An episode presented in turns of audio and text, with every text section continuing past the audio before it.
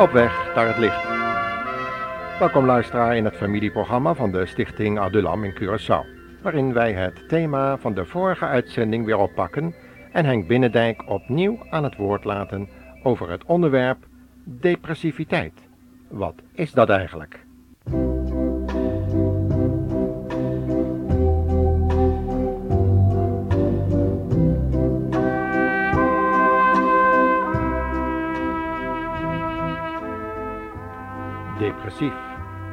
Iedereen van jong tot oud weet wat voor gevoel dat is. Het is een ervaring die zomaar ineens over je heen kan komen, soms zonder aanwijsbare oorzaak. Het kan verschrikkelijke gevolgen hebben wanneer er niets aan gedaan wordt, door ze tot zelfmoordpogingen toe. Het komt voor onder alle lagen van de bevolking, bij jong en oud en in elke cultuur. Wat is depressiviteit? Waaraan kunnen we het herkennen en is het te voorkomen? Dat vroegen we ons af in het vorige programma, waarin Henk Binnendijk van de Evangelische Omroep liet ons niet stilstaan bij de depressieve gevoelens van de grote profeet Elia, die zojuist een grote overwinning had behaald over de broerha-priesters van zijn tijd. Laten we weer luisteren wat Henk Binnendijk hier nog meer over te zeggen heeft en op welke manier hij de vragen van de studenten beantwoordde.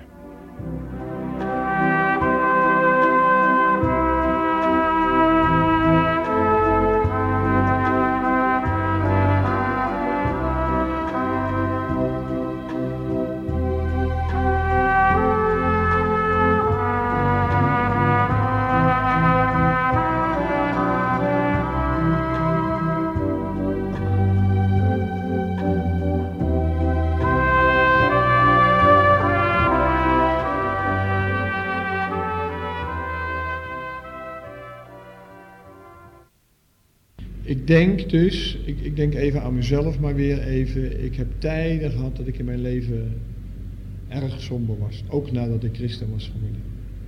Dat het zomaar op me kon vallen dat ik lang niet altijd wist waar het vandaan kwam. Maar dat ik soms dagenlang heel somber, heel depressief kon zijn. En echte depressiviteit kan je zelfs zo ver brengen dat het net is als bij Elia. Dat je zegt, nou, ik, er is er geen enkel lichtpuntje meer. Daarom denk ik dat je een onderscheid moet maken tussen somberheid en tussen depressiviteit. Echte depressiviteit, dan heb je geen enkel lichtpuntje meer.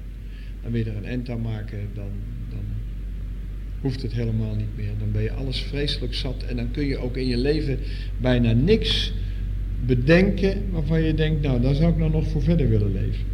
Daarom eindigt echte depressiviteit van tijd tot tijd bij bepaalde mensen in zelfmoord. Ik heb een nichtje gehad, ik heb een broer die heeft, uh, had vier kinderen. En uh, onder andere een tweeling. En zij was een ontzettend aardig meisje, die een gelovig meisje was. Maar ze, ze raakte de baan kwijt op een gegeven moment.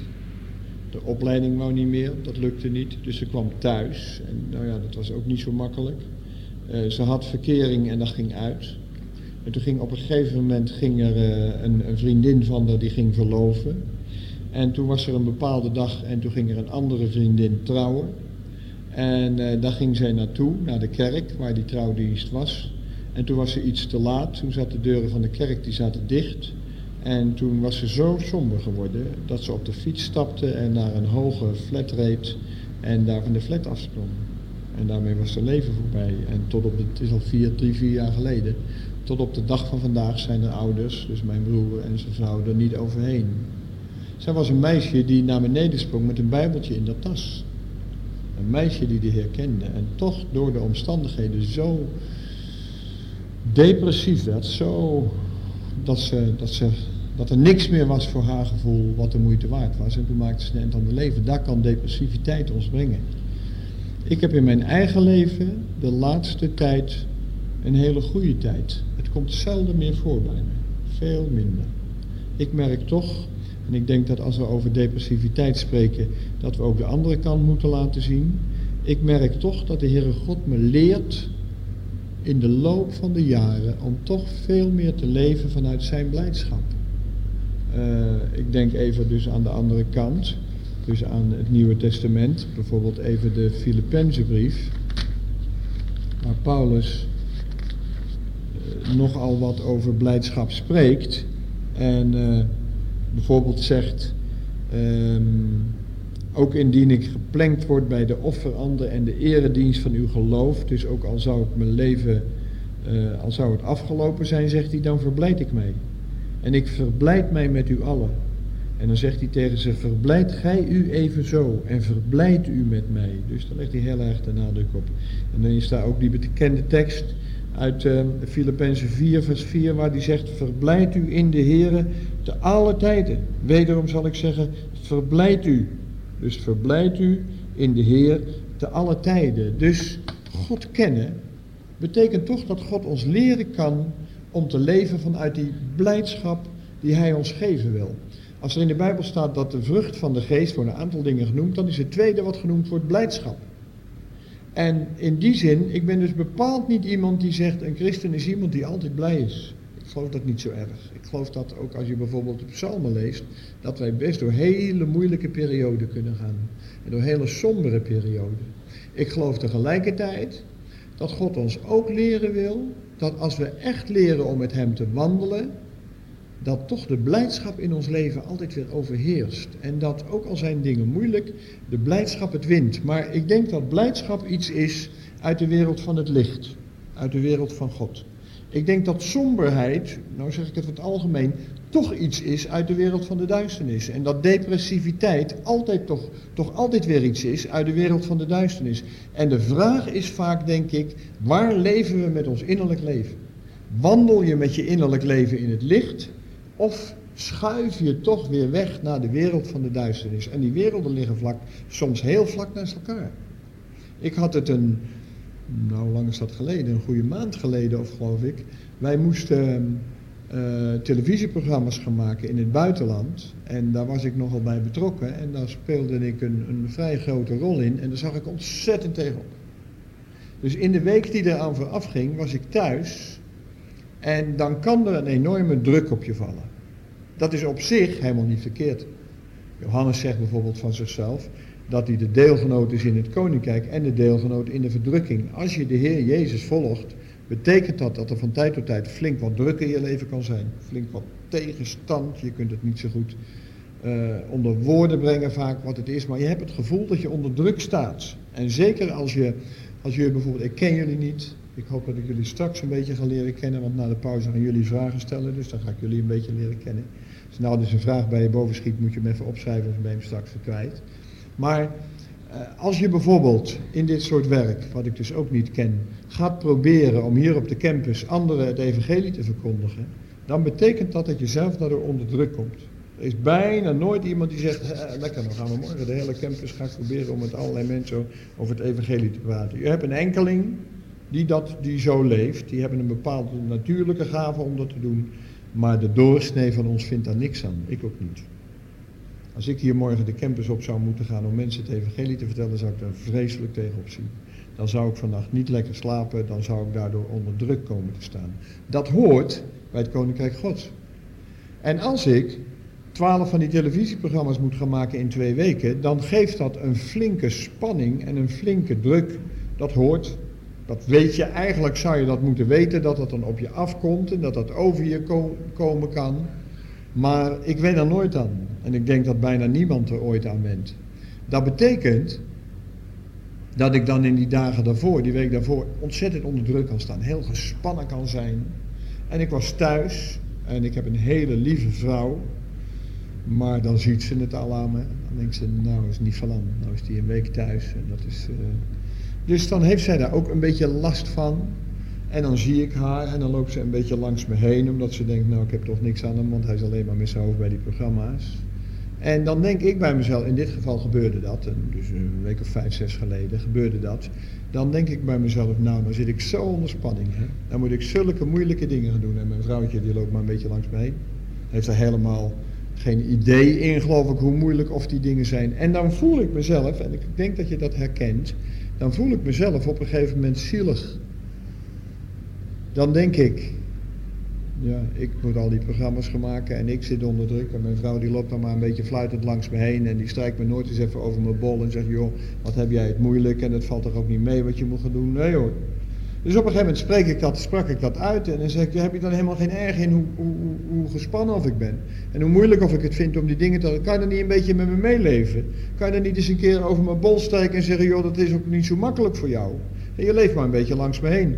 Nou, ik weet niet meer precies wat ze zei, maar ik werd een beetje boos en nog een beetje bozer. En ik dacht, nou ja, stik, dan zeg ik niks.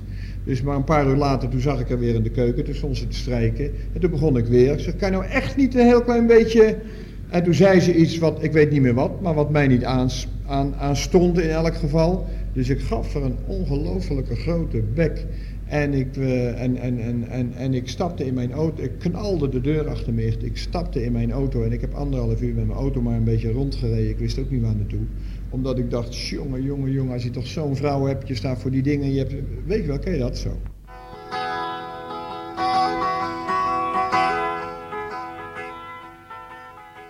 En op dit punt van zijn getuigenis willen we even onderbreken om te luisteren naar wat Henk-Jan en Frans op hun plaat Hou Vast over dit onderwerp hebben te zeggen in hun lied Wie geeft mij rust? Wie geeft me rust? Wie kan me bevrijden als God al leeft? Waarom al dit lijden op aarde? Wat heeft het voor waarde? Wat heeft het voor een zin? Schiep God de dood of schiep hij het leven? Hij gaf de mens zijn adem, zijn leven, maar waarom? Is alles veranderd. Sinds het begin. Jezus alleen kan je bevrijden. Hij tilt je uit boven het lijden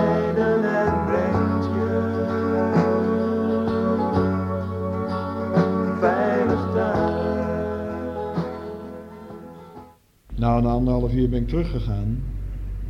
Heb ik vergeving gevraagd. Maar dat betekent natuurlijk niet dat het dan allemaal ineens weer koekenij is. Dus toen ik wegging, na twee dagen, toen zei ze het niet. Maar ze dacht bij zichzelf, heerlijk dat hij gaat. En uh, later toen ik terugkwam heb ik het gevraagd, zeg, dacht je dat? Toen zei ze, ja, dat dacht ik vond het heerlijk dat je wegging, want ik vond het vreselijk om met zo, zo met je te moeten omgaan. Nou, dan merk ik dat ik op het moment, laat ik zeggen, die druk is normaal. Maar op het moment dat ik dat niet meer goed verwerk en daar geestelijk goed mee omga en zeg, kan, zeggen kan in mijn innerlijk van ja jongen, dat hoort er wel bij. Heer, ik weet dat u met me meegaat, ik mag u vertrouwen en u zult echt best wel genade geven. Zolang ik dat kan, gebeurt er niks. En blijf ik, ondanks de druk die er is, val ik niet in die put van die somberheid en van die depressiviteit. Maar zodra ik maar even ga beginnen van, goh, wat heb ik het eigenlijk zwaar. En wat is het eigenlijk zielig dat ik al die dingen, ja dan ben je fout. Dan kom je ergens, schuif je weg van de wereld in het licht, toch naar de wereld van de duisternis. En dan is het alsof ze je vanuit de duisternis grijpen en dan val je in een ontzettende put van somberheid en depressiviteit. En ik denk dus dat christen zijn, dat God ons toch leren wil, ja, om in Hem te blijven. Om in die wereld van het licht die voor ons er is, om daarin te blijven. En dat de duivel er altijd op uit is om ons daaruit weg te trekken en ons in het duister te plaatsen. Wat een christen, en die tekst wil ik even noemen nog, en dan denk ik dat ik langzamerhand ga stoppen. Een volgende brief is de Colossensebrief. Daar staat deze tekst, Colossense 1 vers 13. Hij, dus de Heer Jezus, hij heeft ons verlost uit de macht der duisternis en overgebracht in het koninkrijk van de Zoon zijner liefde, in wie wij de verlossing hebben, de vergeving der zonde. Hij heeft ons verlost uit de macht der duisternis en overgebracht in het koninkrijk van de Zoon zijner liefde. We zijn van zwart in wit gekomen. Uit een donkere wereld zijn we in de wereld van het licht gekomen. Hij heeft ons verlost uit de macht van de duisternis en overgebracht in het koninkrijk van de Zoon zijner liefde. En ehm, in de mate dat wij leren om te wandelen in dat licht, denk ik dat echte somberheid en echte depressiviteit ons zelden kan overkomen. Misschien wel nooit. Ik weet het niet helemaal zeker, maar misschien wel nooit.